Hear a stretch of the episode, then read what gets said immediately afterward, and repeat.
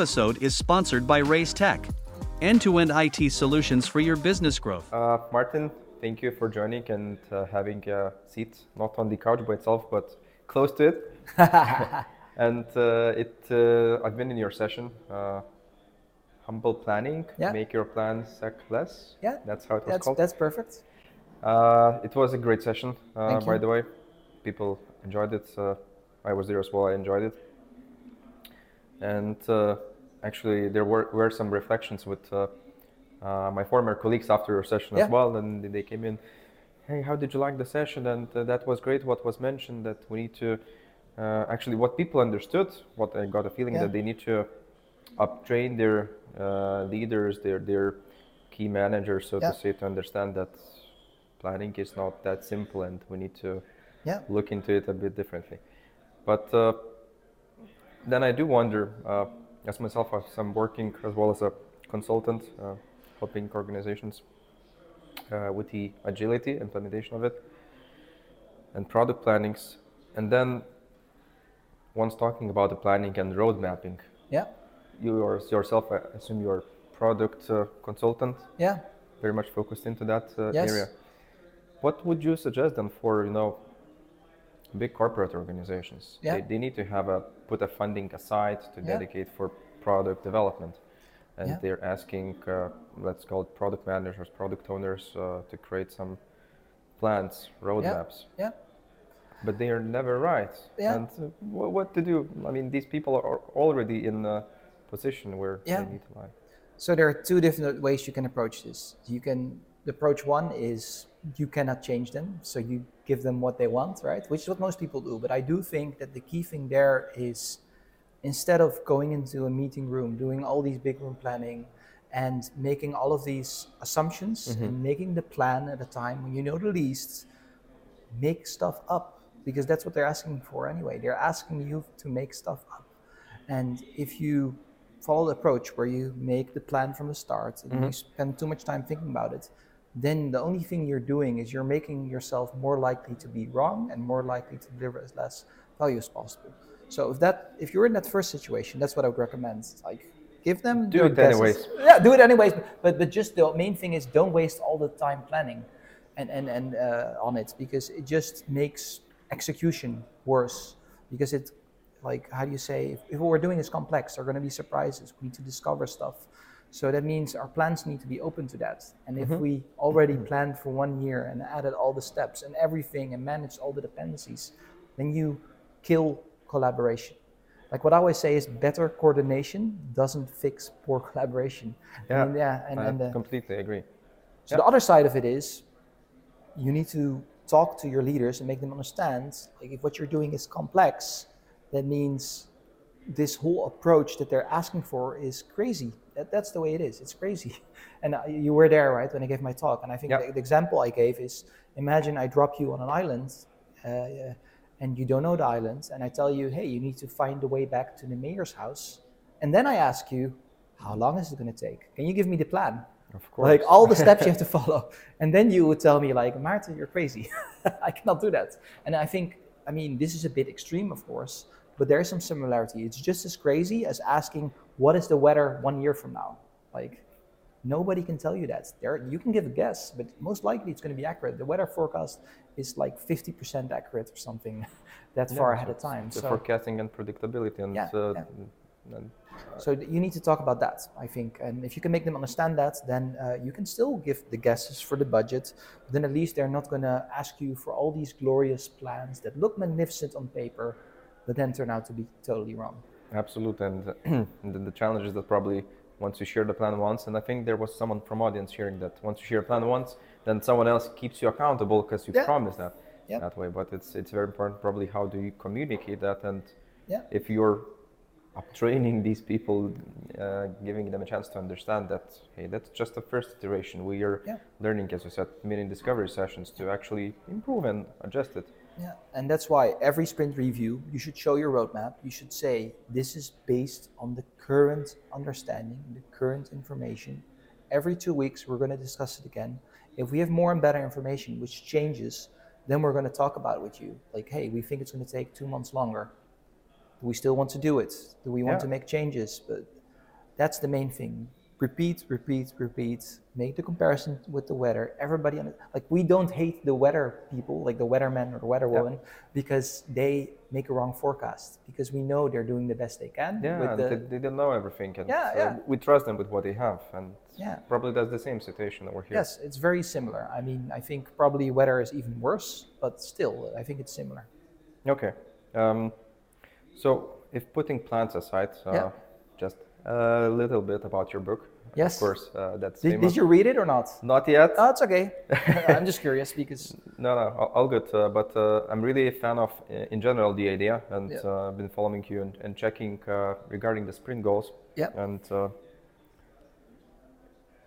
if there is, you know, a beginner Scrum Scrum Master, because anyways, the book is related to Scrum yeah, and sprint goals. If there's a beginner Scrum Master, what would be your number one advice regarding the sprint goals? yeah. Do this, but you can forget everything else. Yeah, yeah. So the main thing I always so what I try to tell in my books, actually, what's interesting about my I think about my book, it doesn't really talk about uh, Scrum Masters or product owners yeah. development. Like it doesn't talk about them a lot, because the main thing the book talks about is, hey, what are we trying to achieve and why does it matter, and how do we work with that as a team? And I think one of the main things which we uh, I would tell a Scrum Master is, Scrum is about empowered teams. And it's not about does the Scrum Master do this, does the product owner do that. Of course, we have our accountabilities, right? Stuff that we should do, but how do we collaborate as a team? That's the key thing. And and most importantly, how do you make Scrum move to the background? So the comparison I made during the talk, Mm-hmm. Scrum should feel like jazz, like you're in the moment, you're responding to what's happening, what's unfolding. That's what Scrum should feel like. And the moment you're in a refinement, and you start asking yourself, what does the Scrum Guide say, or what? Then you need to a- ask yourself, am I really adding value here? Is this does this really matter? Because at the end of the day, we're not doing Scrum to do perfect Scrum. Perfect Scrum, like Scrum, is purposefully incomplete. There's no perfection probably in there. Yeah. There are just some boundaries that you need to be in there if you want to get value out of it, Yes. rather than Yeah, exactly. And and we're not here to do perfect Scrum. We're here to deliver value. And I think that needs to be in the driver's seat. And that starts with the sprint goal. The sprint goal makes meeting the objective more important than following the plan. And as well, if you understand that, the sprint goal relates to every Scrum event. Like daily Scrum, optimize the probability of meeting the sprint goal. The only reason for canceling a sprint is when the sprint goal is obsolete. So the sprint goal is where I would start. And I would actually, if I were coaching a Scrum Master, I would actually tell them, hey, like, start with the sprint goal. Uh, you don't have even have to start with all the Scrum events, but start with the sprint goal, maybe a daily Scrum, and then gradually introduce the events because ver- very much we focus too much on the process and all the stuff, absolutely. and that sucks. Like we need to focus on the result, and Scrum is a means to an end. That's it. And that, that's the point. Probably organizations do want or companies do want results, Yeah. but then they focus us too much on a process Yes. that is not helping to get the result. Even though other has good experiences with, with the same Scrum, let's say it might not for work for others if you just focus purely on the uh, Yes. process rather than result outcome that you want to achieve. Yes, exactly. I mean, yeah, like I said, if you're doing jazz, there are rules. But the moment you start thinking, oh, f- uh, this is what jazz, this is what the rules of jazz dictate, then you've lost. Like the moment you have that thought as a musician, you're gonna, your piece is gonna suck because you're, Although that's an interesting perspective. Now you reminded me. yeah, I used to be a musician by myself Yeah. uh, some time ago, but then I'm thinking uh, that uh, comparison with Scrum or with anything Yeah. else. I mean, you need to start somewhere. And I mean, as I used to be a musician, I, I've needed to learn, you know, all the notes, uh, Yeah. the in, yeah, the rhythm and uh, everything that's around. Uh, yeah, so I had to learn these boundaries to be able to im- improvise by myself or even to create yeah, a song. correct. And So you need expertise. you see the same here. Yeah. Yeah. So you need expertise. That's the main thing. You do need expertise. But the question is, what expertise do you need? And and I, I think like as a musician, Mm-hmm. All the music. I mean, I'm, I mean, I'm not a musician, but I'm a classical pianist, amateur. Like, Oh, that's nice. So um, I've been classically trained like for many years uh, at a low level. Uh, but what I can say is all that theory is there to support that when somebody listens to you play, that you evoke an emotion. You make them feel something maybe they didn't feel before. It's about the listener. And yes, the musical theory matters, Mm-hmm. but as you know as well, like sometimes these artists they break the conventions, Yeah. and the listener Make loves their own it. rules. Yeah, yeah. And and uh, I mean the Beatles, right? I think uh, Sgt. Pepper was like completely different uh, than all other albums, and I think that's the key thing. We're we're not doing this to follow the rules. We're doing this because we want listeners to experience something, and that should be. So yes, you need the expertise. The Beatles, they were experts at all this musical theory, but but when you know them, you also know when you can break the rules and when it doesn't matter as much. So yeah, you do need expertise, absolutely. You know what I'm thinking now after what, what you've said? Yeah. Probably it's it would be good advice, or you disagree, just to focus on learning with a purpose. I mean, Yeah. if you're learning with purpose, if you're learning with Scrum while Yeah. having in mind the sprint goal, let's say as an outcome, Yeah.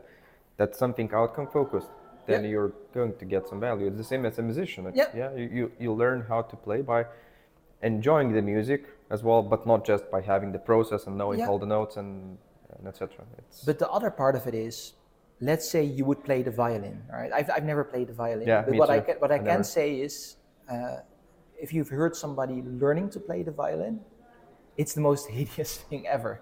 Like it sounds terrible. Ouch. I played the piano, right? So the piano is easy. Like you play a note and it sounds it decent. sounds nice. Yeah, yeah, yeah. Unless something Yeah, so I think it's the same with Scrum. Like I think in the beginning you will be struggling with the theory, with just mastering. So and I think that's the key thing which makes it really difficult.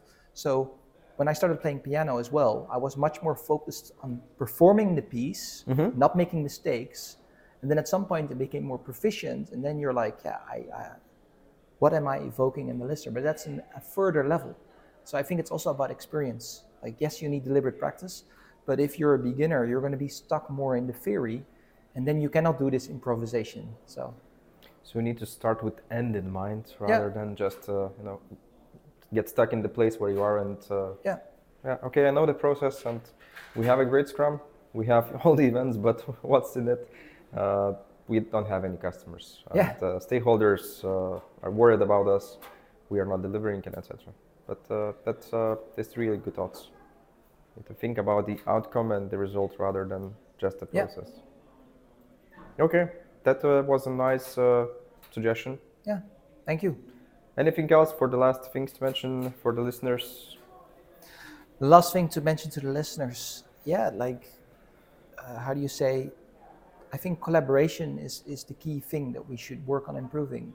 Like, you can have great collaboration within your team, they can improvise, they can adapt to the moment, but then the moment they need help from another team, then suddenly, like, yeah, we cannot help you, we're busy with this. So, the main thing is yes, intra team collaboration is important, but uh, one of the reasons why we have all these scaling frameworks is because inter-team collaboration is way more difficult because people don't know each other so well. They have different things that they find important different things they care about different expertise.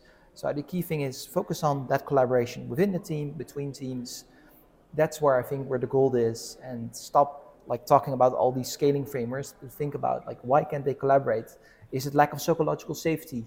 Like what is at the root of it? Instead of saying hey i'm going to copy paste the framework and then life is going to be great no it's not going to fix those collaboration problems That's uh, absolutely a genius thought. I completely agree. All the frameworks will not help unless you resolve the main problem why, Yeah. why you have that. And it's just another recipe book that will not make your dish nicer. yeah like scaling is complex so you need to figure out what works and look at scaling frameworks for inspiration and not as a recipe because it's never going to work Absolutely. Uh, Maarten, thank you so much for your time. Thank you for being in Vilnius, in Agile Tour Vilnius as well conference. i love it that nice was to really have you here. yeah Hopefully you'll visit us again. And, i hope so uh, too Have a great day ahead. thank you Thanks.